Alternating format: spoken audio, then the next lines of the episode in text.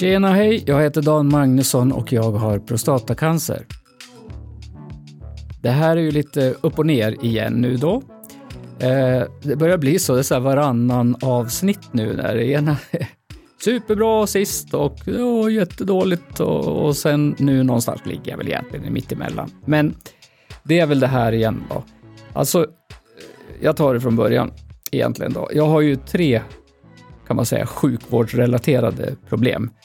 Eh, Ljumskbråck som opererades första gången 2018 och sen opererades om två gånger i förra året. Och då hade jag liksom problem med, ja, jag fick ju eh, tarmvred som det heter och jag, det är liksom fortfarande inte, jag kan då och då känna eh, det fortfarande. Plus då att de naturligtvis har både skurit och gjort en massa titthål på mig. Eh, den andra, det är blodproppar, dök också upp, kanske för ett år sedan, lite drygt, men åtminstone i januari i år. Och så höll jag på och det var ju vaden då, då och eh, slåss med det här i sjukvården, fick äntligen göra UV, eller nej, vad heter det, ultraljud heter det, inte UV. Eh, och man hittade en propp, jag fick gå till akuten, man hittade tre proppar, proppar i lungan. Så det behandlas jag ju för.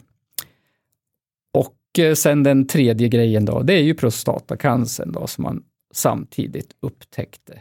Och eh, jag har ju en högrisk cancer. Den har liksom 9 på en 10-gradig skala. Och, och den finns ju fortfarande möjlighet, teoretisk möjlighet att bota, men den sitter ju illa för biverkningar.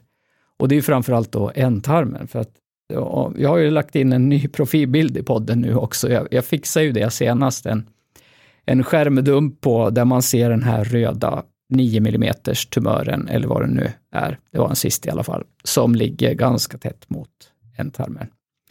Och det, jag har ju vissa komplikationer då från det här med ljumskbråcken eller tarmvreden, så att det är ju därför som, som det blir liksom, en, jag är ett komplicerat fall.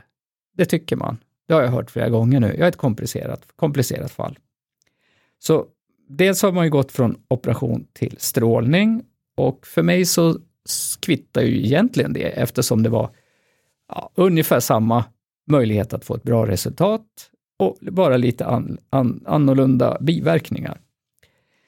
Och eh, sist då när jag var på onkologen, då pratade vi om det här så, och jag tog ju upp det här och istället för att den här liksom färdiga roadmappen då, enligt standardformulär 1A, så ställde jag några frågor och nu kör man det en sväng till.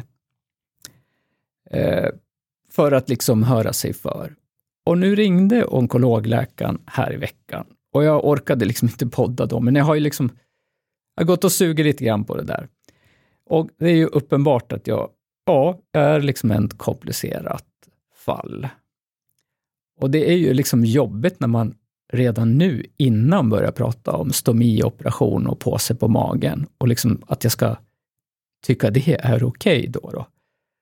Eh, och det gör man ju inte om man är frisk för mig är det ju en mardröm, även om jag vet flera som har det och det är egentligen inte kanske så stora problem för dem som har det och vänjer sig vid det. Men att börja liksom med det nu, tänker jag. Liksom. Vad fan. Och hur som helst då, så vad man gjorde då, det är att man har ju skickat en remiss till kirurgen för att man funderar liksom lite grann mer över det här med eh, ändtarmen, hur det kan hänga ihop eller någonting. Men jag känner ju så här också, Alltså mitt ljumskbråck som är misslyckat, då, det har ju blivit ännu värre nu sedan jag började träna. Och vad fan ska kirurgen göra då åt det? De har ju liksom bränt sitt krut. Tre operationer, de vill inte göra något mer. Och det vill inte jag heller egentligen. Så där är ju ett problem i sig, som då leder till andra då. Eh, så ja, jag tänker så här, vad fan ska de säga, tycka eller göra? Och senast då så pratade vi, när jag tog upp lite frågor då, så tog, ursäkta, läkaren själv upp det här med brachyterapi, det vill säga man skjuter in liksom radioaktivitet. Som, man gör alltså en inre strålning i kombination med en yttre strålning.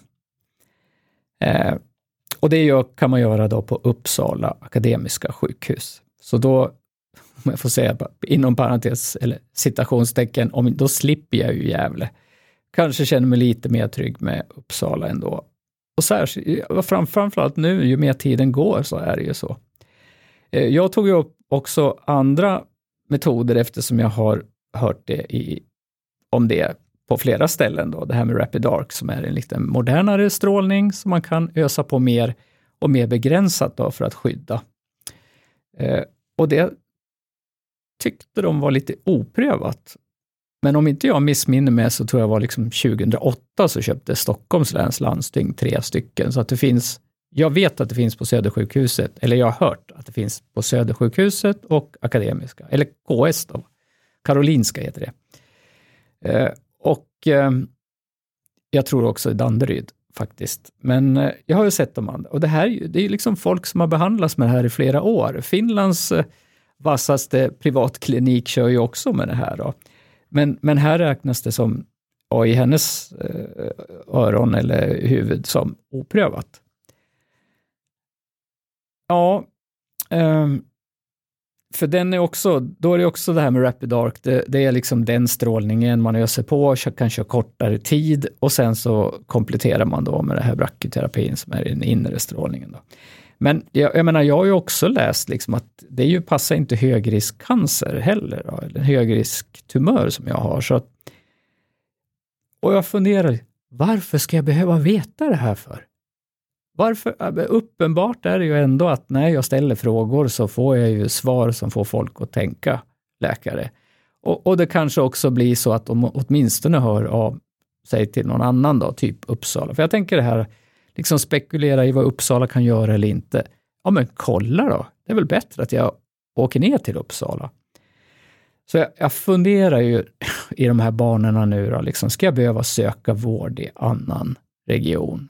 Ska jag behöva fixa det här själv? Liksom?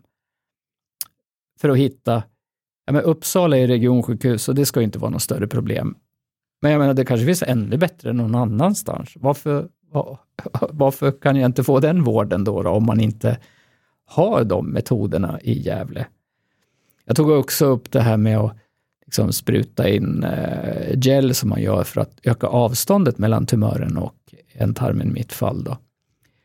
Och ja, men det visste man inte om man gjorde i Uppsala. Men vad fan, kolla det då. Har ni ingen omvärldsbevakning? Alltså nu, nu anklagar jag er kanske, ni tycker att det låter jävligt gnälligt och så. Men det är trots allt mitt liv det handlar om. Inte kanske överleva, men det, det, häng, det, det kan man nog, har man nog lika stor chans till om jag strålas i Gävle. Men biverkningar, liksom. jag vill ju att jag ska fungera. Det är väl nog med att man kanske blir impotent efter tre, fyra år. Men att man dessutom liksom ska få påse på magen och, och kanske också kanske få en till påse för att jag inte kan pinka. Ah. Ja, ja. Som ni förstår så tycker jag ju faktiskt att jag har rätt att känna mig lite... Eh, jag är inte orolig, jag är mest besviken. För att jag att det inte bara flyter på, att man inte gör det bästa man kan. Om jag är komplicerad, ja men fan, har ni ingen, liksom, har ni ingen chatt där ni kan prata med varandra, alla specialister om det då? Eller är jag oviktig? Det är liksom, det är så man funderar på något sätt. Ja, ja. Men jag är inte super på superdåligt humör, utan nu är det ju snarare så liksom att när grejerna kommer nu så blir man liksom, åh, mera blasé sådär att, eh, ja, jag vet inte. Och, det, och, och till alla som tycker, ja men man ska ju vara positiv. Ja, det hjälper inte min jävla tumör, inte min ändtarm eller, eller vad det Tyvärr. Annars så skulle jag nog kunna liksom gå och le hela dagarna. Men, men tyvärr är det ju inte så. Ja, ja, ursäkta, jag har surrat på som fan. Men så här blir det. Vi hörs.